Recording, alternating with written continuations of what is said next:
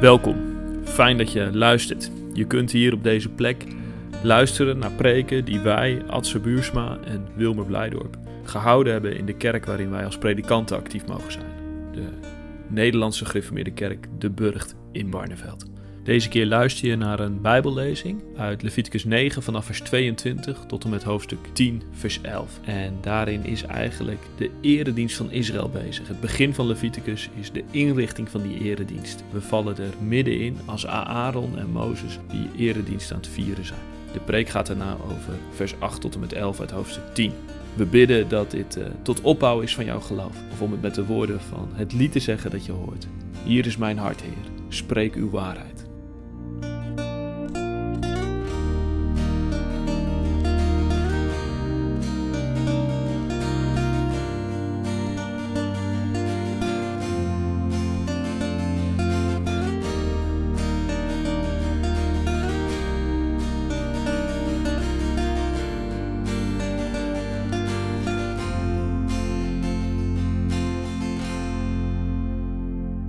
Daarna strekte hij zijn handen naar het volk uit en zegende het. Nadat Aaron de offers had opgedragen, daalde hij af van het altaar en ging samen met Mozes de ontmoetingstent binnen. Toen ze weer buiten kwamen, zegenden ze het volk. Daarop verscheen de majesteit van de Heere aan heel het volk, een felle vlam kwam uit het heiligdom en verteerde het brandoffer en het vet op het altaar. Toen het volk dat zag, begon het te jubelen en iedereen wierp zich ter aarde. Aarons zonen Nadab en Abihu deden gloeiende kolen in hun vuurbak en legden er reukwerk op. Maar het was verkeerd vuur dat ze de Heere wilden aanbieden. Vuur dat niet voldeed aan zijn voorschriften. Een felle vlam kwam uit het heiligdom en verteerde hen, zodat ze daar in de nabijheid van de Heere stierven. Mozes zei tegen Aaron, dit bedoelde de Heer toen hij zei, door degene die in mijn nabijheid verkeren, toon ik mijn heiligheid. Het hele volk maak ik getuige van mijn majesteit. Aaron zweeg. Mozes riep Misaël en Elsafant van bij zich, dat waren de zonen van Aarons oom, Aarons oom Uziel. Hij zei tegen hen, kom hier en draag jullie broeders bij het heiligdom vandaan.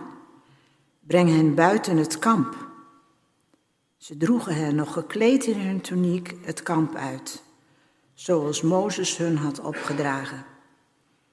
Mozes zei tegen Aaron en zijn zonen Eleazar en Itamar, jullie mogen je haar niet los laten hangen en je kleren niet scheuren, anders sterven jullie en ontsteekt de Heere in woede tegen de hele gemeenschap.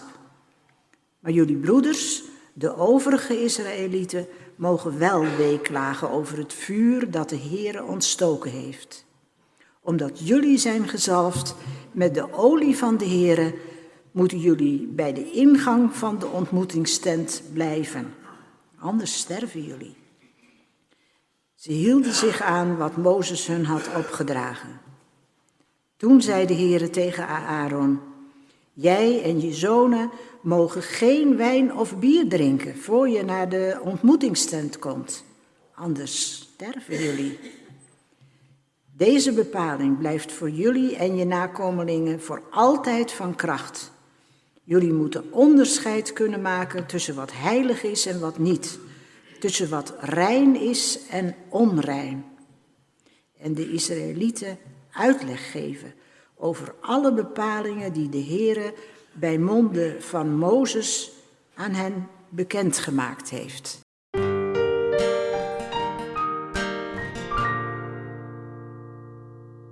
Ik sta in de preken stil bij die opdracht die de priesters krijgen. En dat is Leviticus 10, vers 8 tot 11.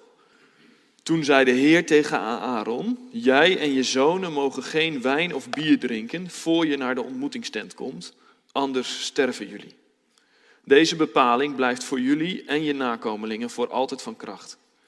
Jullie moeten onderscheid kunnen maken tussen wat heilig is en wat niet, tussen wat rein is en wat onrein. En jullie moeten de Israëlieten uitleg geven over alle bepalingen die de Heer bij monden van Mozes aan hen bekendgemaakt heeft.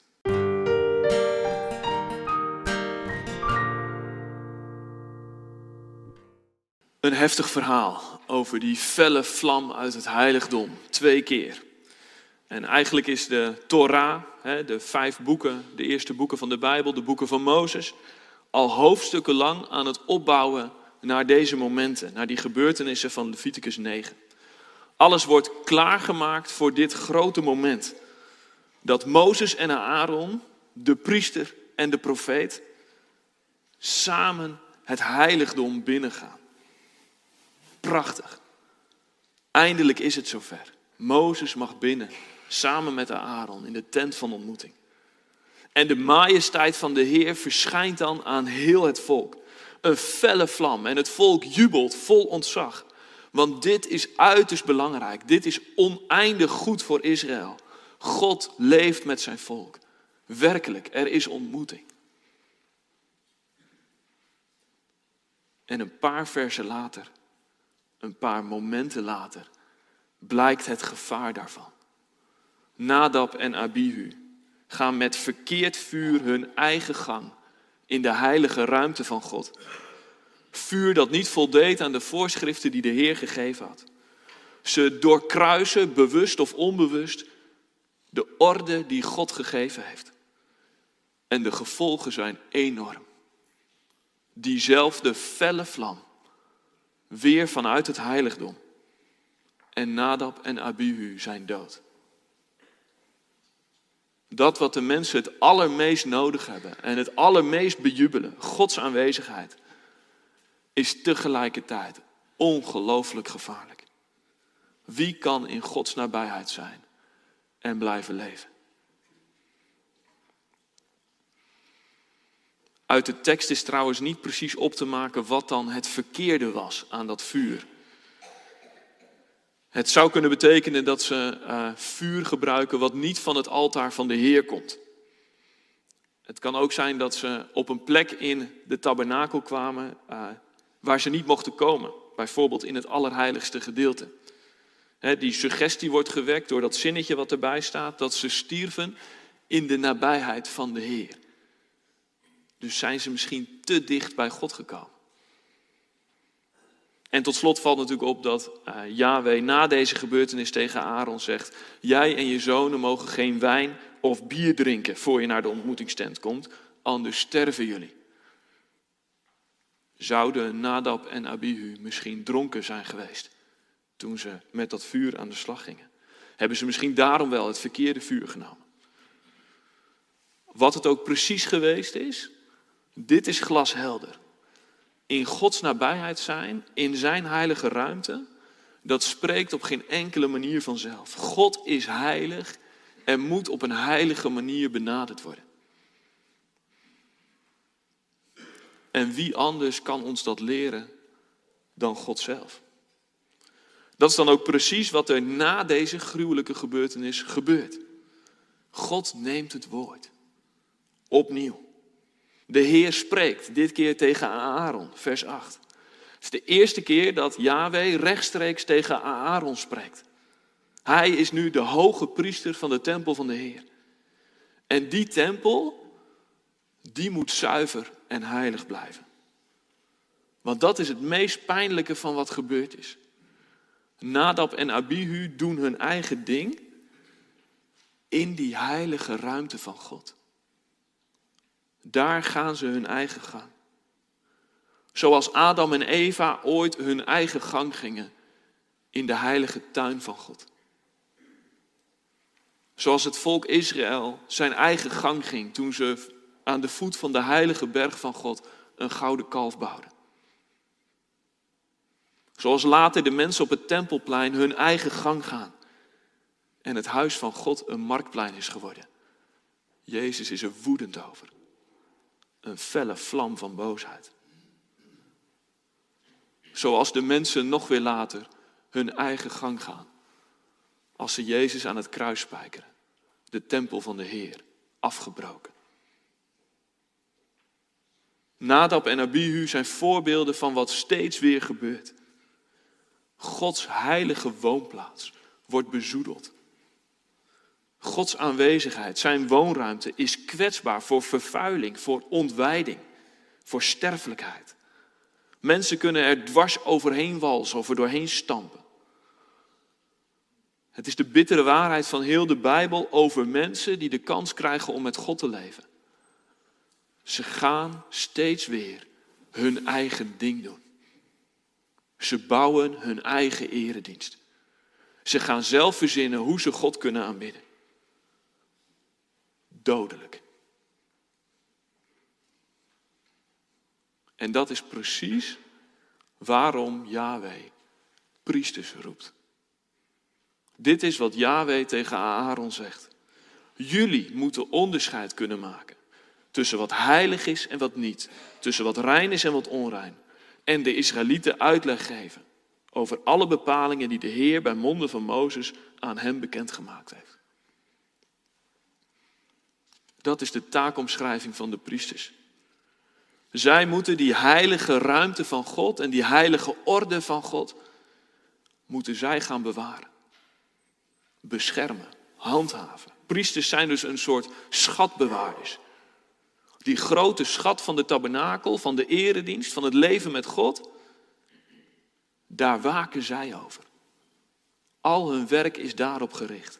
Ze bewaren Gods orde. Ze leren het aardse, sterfelijke volk om om te gaan met de heilige, eeuwige God, die ze keihard nodig hebben, maar die ook gevaarlijk is vanwege zijn heiligheid. Dus dat is wat de priesters mogen doen. Ze mogen het alledaagse van gewone, sterfelijke, zondige mensen en het buitengewone, ontzagwekkende en heilige van God bij elkaar brengen, met elkaar verbinden. En priesters doen dat als een klein deel voor een groter geheel. In Israël was een speciale stam gewijd aan het werk in Gods heilige ruimte, de Levieten. En daarbinnen waren het Aaron en zijn zonen, één familie, als kleine groep die de priesters waren. Dus één klein deel, één stam, één familie voor een groter geheel, voor het hele volk. En het fascinerende is, in Exodus 19, vers 6, wordt het volk Israël als geheel een koninkrijk van priesters genoemd.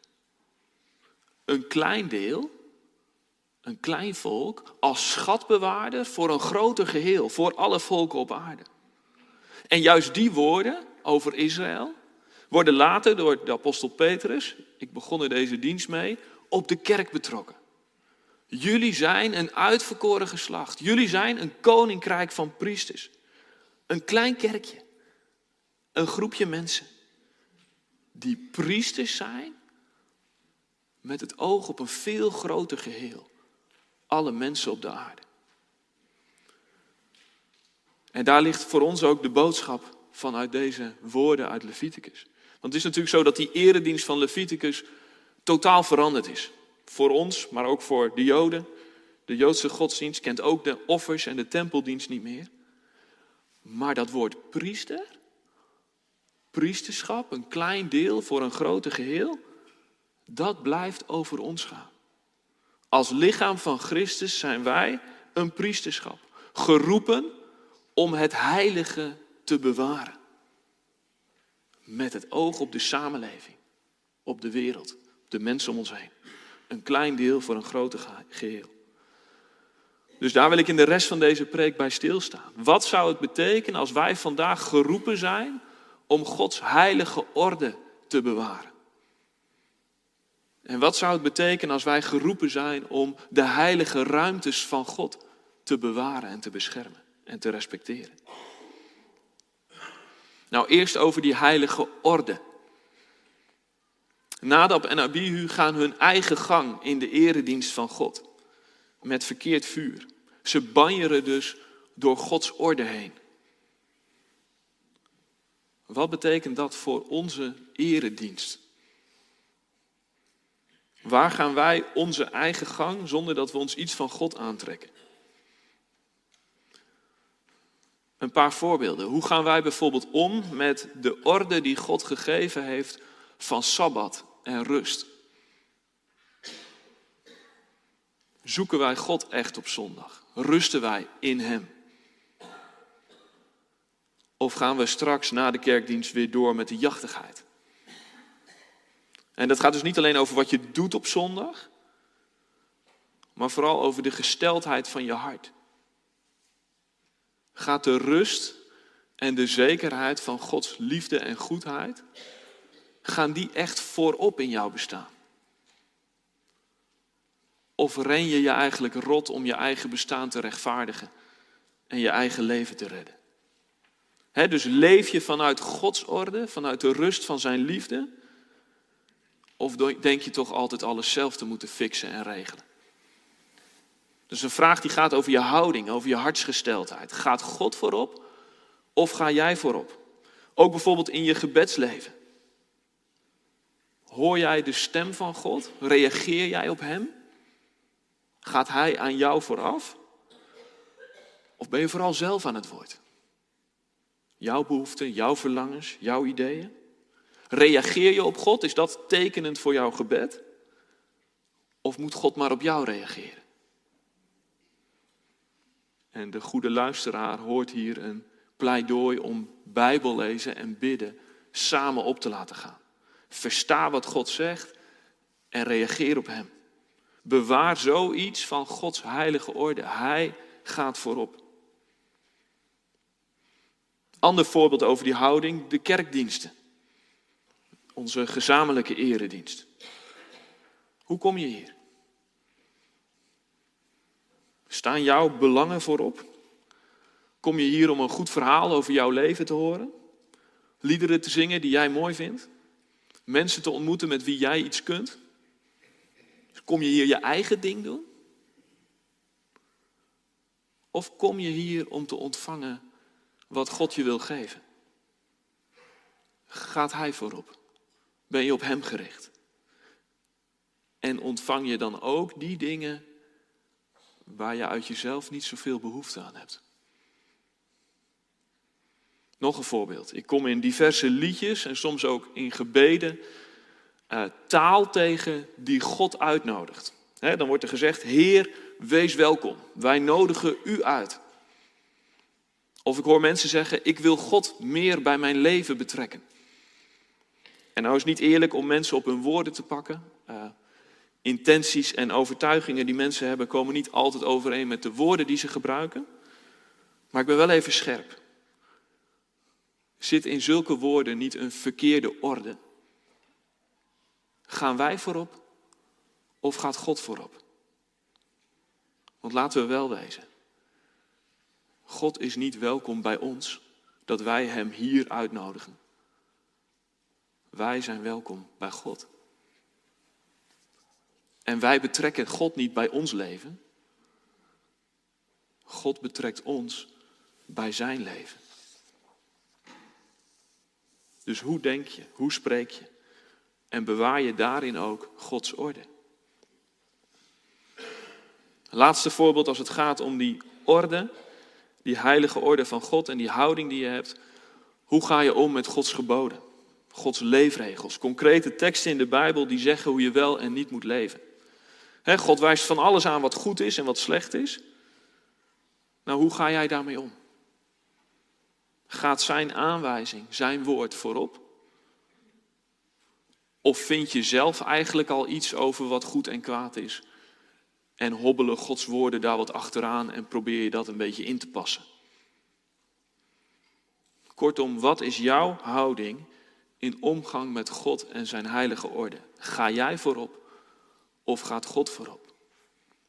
Dat over die orde, waar priesters voor zijn om die orde te bewaren.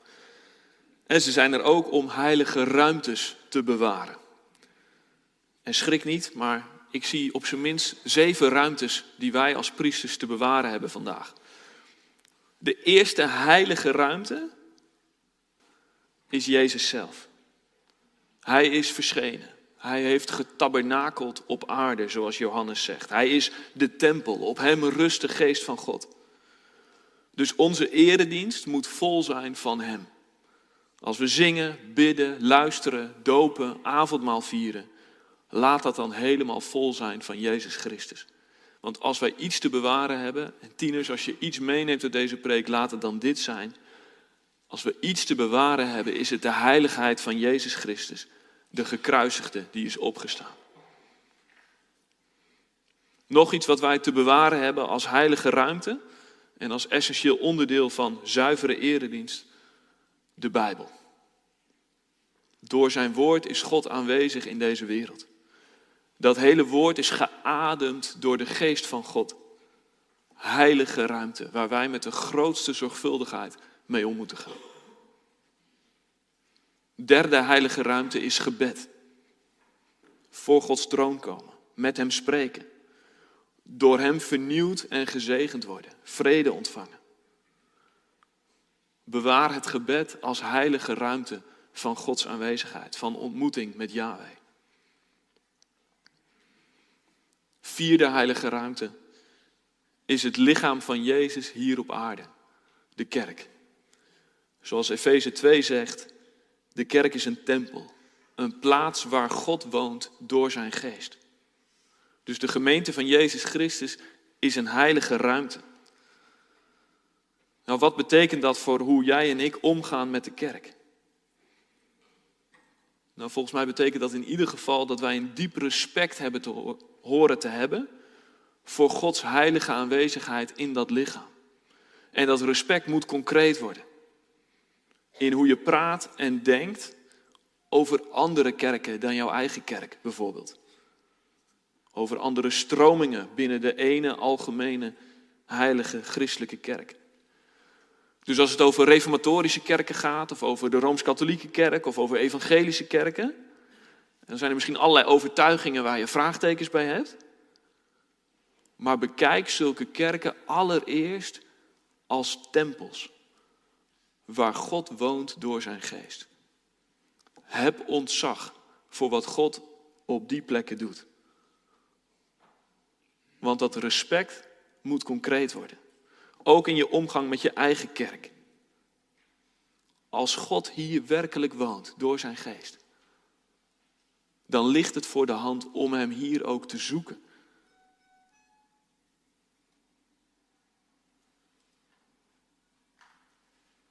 Om hier te ontvangen wat God aan het geven is. En om daar ook op gespitst te zijn. Om vanuit dat verlangen en vanuit die verwachting mee te doen aan kerk zijn. God beweegt hier. Waar kan ik dat proeven? Hoe kan ik dat meemaken? Dat mag honger en dorst losmaken. De kerk is echt de place to be. Niet door mensen, maar omdat God het gereserveerd heeft als heilige ruimte. Wees dus lid van, van dit lichaam vanuit ontvankelijkheid en verwachting. En blijf ook lid, ook als het gras bij de buren groener lijkt. Als God hier woont, door zijn geest, dan is het maar zeer de vraag of je een concreet lichaam van Christus, een concrete gemeenschap, of je die af kunt wijzen en kunt verlaten zonder God zelf af te wijzen. Hij woont hier toch?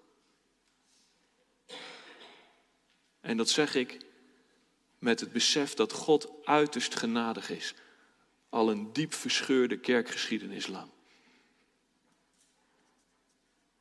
Vijfde heilige ruimte. Ieder mens is geschapen naar Gods beeld. Dus in ieder mens is iets van Gods heiligheid aanwezig. Mensen worden ook wel tempels van de Heilige Geest genoemd. Dus in hoe jij met mensen omgaat, bewaar je iets van Gods heilige ruimte. Zorgen voor aftakelende dementerenden. Liefde voor verstokte verslaafden. Vriendelijkheid voor haterige bedweters. Trouw aan ingewikkelde mensen in je omgeving. Het zijn allemaal priesterlijke daden die de heilige ruimte van God bewaren en respecteren. En in het bijzonder, en dat is de zesde heilige ruimte, de bijzondere omgang met die ene mens naast je als die jou gegeven is. Je man of je vrouw. In de Bijbel wordt het verbond tussen man en vrouw ook geschetst als een heilige ruimte, als een mysterie vol van het evangelie, van Gods aanwezigheid. Bewaren wij dat geheim? Bewaken wij die heilige ruimte? Of mogen er ongeordend andere mensen binnendringen? Of maken wij die heilige ruimte zelf van binnenuit kapot door onze lompheid, ons egoïsme, onze zonde? En tot slot de zevende heilige ruimte, de schepping zelf. De kosmos is een tempel, een heilige ruimte, door de geest uitgebroed. Dus hoe gaan wij met de aarde om? Zorg voor de schepping, voor de natuur, voor het klimaat. Dat is ook priesterschap. De heilige ruimte van Gods aanwezigheid bewaren. Want de aarde is vol van Gods heerlijkheid. Jezaja 6. De hemel is zijn troon. De aarde is zijn voetenbank. Jezaja 66. Dus die heilige ruimtes bewaren. Jezus, de Bijbel, het gebed, de kerk, mensen, het verbond van man en vrouw en de schepping. Daarover waken. Er aanbiddend, verwonderd en dankbaar binnengaan. En in alles Gods orde respecteren. Dat is de roeping van een koninkrijk van priesters. Jullie roeping. En besef, dat doen we niet voor onszelf. Dat is uiteindelijk diep missionair. Je sluit aan bij de missie van God als priesters.